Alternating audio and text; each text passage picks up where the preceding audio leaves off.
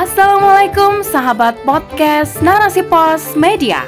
Jumpa dengar dengan saya Dewi Nasya dalam rubrik syiar yang berjudul Menunaikan Hak-Hak Nabi Sallallahu Alaihi Wasallam. Kali ini dalam edisi Buletin Kafah. Pada bulan Rabiul Awal, umat muslim di Indonesia umumnya bergembira menyambut peristiwa kelahiran Nabi Sallallahu Alaihi Wasallam. Beliaulah satu-satunya pribadi yang tidak pernah lekang keharuman namanya, tak pernah pudar kekaguman orang pada keluhurannya sepanjang masa. Nama baginda Nabi Shallallahu Alaihi Wasallam dielu-elukan. Solawat untuk beliau banyak dibacakan. Makam beliau pun ramai dikunjungi orang dengan penuh keharuan, sembari diiringi tetesan air mata kerinduan. Kegembiraan itu wajar mengingat pengutusan Rasulullah Sallallahu Alaihi Wasallam adalah nikmat yang paling agung bagi umat manusia. Berkat kedatangan beliau, manusia dibebaskan dari kesesatan. Mereka diajak menuju keimanan dan ketakwaan. Allah Subhanahu wa taala berfirman, Sungguh Allah telah memberi kaum mukmin karunia ketika dia mengutus seorang rasul yaitu Muhammad di tengah-tengah mereka dari kalangan mereka sendiri ia membacakan kepada mereka ayat-ayatnya, menyucikan jiwa mereka serta mengajari mereka Alkitab, yakni Al-Quran, dan hikmah, yakni As-Sunnah, meskipun sebelumnya mereka benar-benar dalam kesesatan yang nyata. Quran Surah Ali Imran ayat 164 Tunaikan hak Nabi Sallallahu Alaihi Wasallam. Kegembiraan itu mesti diwujudkan dengan menunaikan hak-hak Rasulullah. Hak yang paling utama adalah mengimani beliau sebagai utusan Allah, sekaligus penutup kenabian dan pembawa risalah terakhir. Mengimani Rasulullah satu kesatuan dengan seluruh keimanan yang lain, tidak boleh dipisahkan. Tidak seperti orang-orang Yahudi yang telah mengetahui Rasulullah adalah nabi yang terakhir, namun menolak mengimani beliau. Padahal tanda-tanda kenabian telah nyata pada diri baginda Nabi Sallallahu Alaihi Wasallam. Orang-orang Yahudi dan Nasrani yang telah kami beri Alkitab Taurat dan Injil mengenal Muhammad seperti mereka mengenal anak-anaknya sendiri. Sungguh, sebagian di antara mereka menyembunyikan kebenaran, padahal mereka mengetahui. Quran Surah Al-Baqarah ayat 146 juga bukan seperti pengikut Ahmadiyah yang menolak Rasulullah sebagai penutup para nabi dan rasul. Mereka malah mengimani Mirza Ghulam Ahmad sebagai nabi terakhir. Padahal Rasulullah telah bersabda, "Aku adalah Al-Aqib yang paling belakang." Al-Aqib yaitu nabi yang tidak ada lagi nabi sesudahnya. Hadis riwayat Muslim. Hak Rasulullah yang patut diperhatikan dan ditunaikan umat manusia adalah membacakan solawat dan salam untuk beliau. Seorang mukmin telah diperintahkan Allah Subhanahu wa Ta'ala untuk senantiasa memanjatkan solawat dan salam kepada Nabi. Sebagaimana firman-Nya, sungguh Allah dan para malaikatnya bersolawat untuk Nabi. Wahai orang-orang yang beriman, bersolawatlah kalian untuk Nabi dan ucapkanlah salam penghormatan kepada dirinya. Quran Surah Al-Azab ayat 56 Rasulullah juga punya hak untuk dicintai umatnya. Ini adalah bagian kesempurnaan iman. Kecintaan kepada Nabi bukan cinta biasa, tetapi kecintaan di atas segalanya, melebihi cinta pada harta, keluarga, dan manusia lainnya. Beliau bersabda, "Tidaklah sempurna keimanan salah seorang di antara kalian hingga aku lebih dia cintai daripada hartanya, keluarganya, dan seluruh umat manusia. Hadis riwayat Muslim. Penting bertanya pada diri kita, sudah luruskah cinta kita kepada Rasulullah? Pantaskah cinta pada keluarga, harta, jabatan, kelompok, suku bangsa menyingkirkan rasa cinta kepada Rasulullah? Apalagi bila pernyataan cinta itu tidak dibarengi dengan pembelaan atas kehormatan beliau saat dinistakan. Pantaskah orang mengaku cinta kepada beliau, tetapi berdiam diri dan mencari-cari alasan untuk tidak marah dan tidak membela kemuliaannya? Sebaliknya, bila harga dirinya, keluarganya, atau jabatannya terusik, amarah dirinya meledak.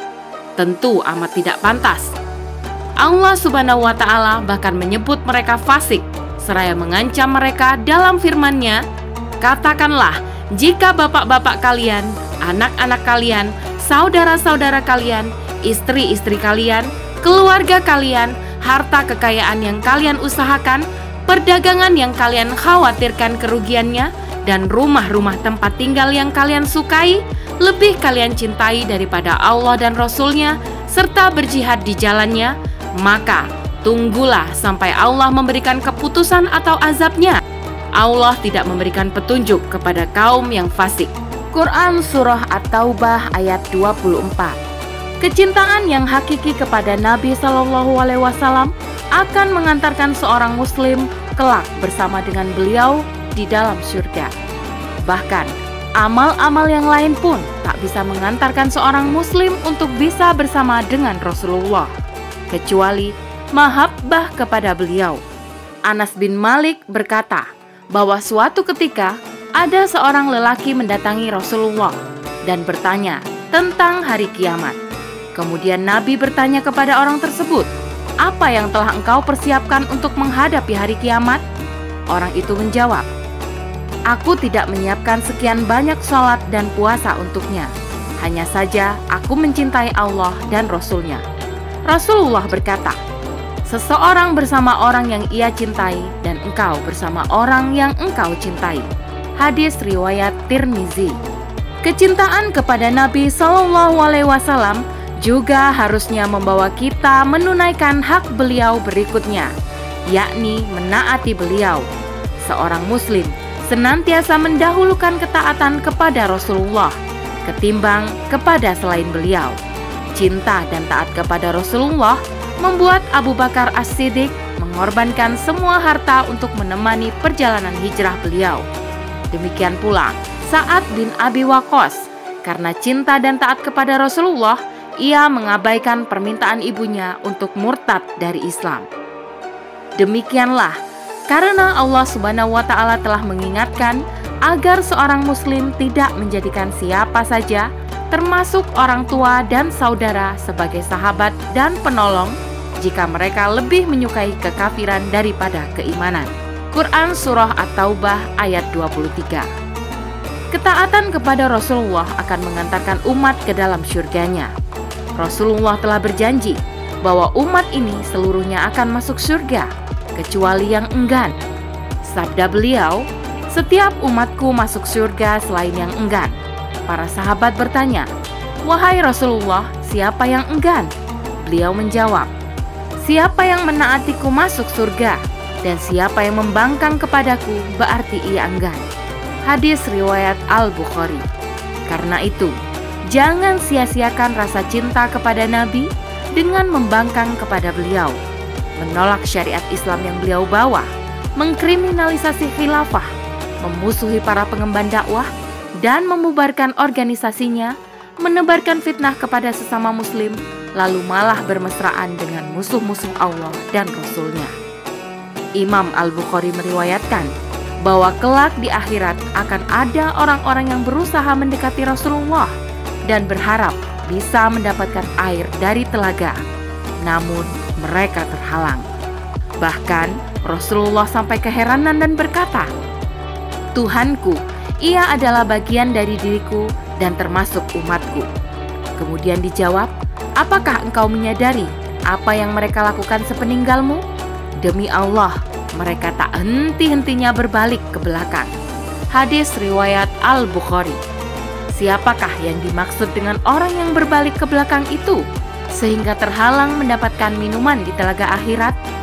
Imam Al-Qurtubi dalam kitab At-Tazkirah menyebutkan, semua orang yang murtad dari agama Allah atau membuat bid'ah yang tidak diridhoi dan diizinkan oleh Allah. Merekalah orang-orang yang diusir dan dijauhkan dari telaga. Demikian pula orang-orang zalim yang melampaui batas dalam kezalimannya, membasmi kebenaran, membantai penganut kebenaran, dan menekan mereka. Penjelasan di atas patut direnungkan bagi siapa saja yang mengharapkan kemuliaan bersama Nabi di akhirat mendapatkan air dari telaga pemberian beliau. Hendaknya mereka segera meninggalkan kezaliman kepada orang-orang yang memperjuangkan agama Allah. Sebaliknya, hendaknya mereka kembali menegakkan ketaatan sempurna kepada Allah dan Rasul-Nya. Itulah orang-orang yang beruntung. Wallahu a'lam bisawab. Demikianlah rubrik syiar dalam buletin kafah kali ini. Hikmahnya adalah siapa saja yang menaati Allah dan Rasul-Nya akan bersama-sama dengan orang-orang yang Allah anugerahi nikmat, yaitu para nabi, para sidikin, para syuhada, dan orang-orang salih. Mereka itulah teman yang sebaik-baiknya. Quran Surah An-Nisa. Masya Allah. Saya Dewi Nasjak undur diri. Afu minkum. Wassalamualaikum warahmatullahi wabarakatuh